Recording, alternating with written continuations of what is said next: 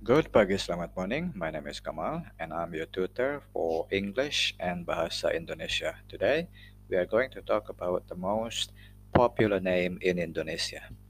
So, make sure you read my blog and then listen up and repeat that to practice pronouncing the Indonesian names by yourself. Number one is Dwi, Muhammad, Putra, Dian, Indah, Tri, Agus, Ade, Nur, Andi, Reza, Rio, Siti, Andi, Yudi, Arya, Ika, Maya, Lestari, Tias, Sri, Aji, Sari, Kurniawan, Eko, Arif, Indra, Kartika, Lia, Mila, Wahyu, Maria, Ari, Andre, Dinda, Rizky, Ilham, Rini, Nurul, Kusuma,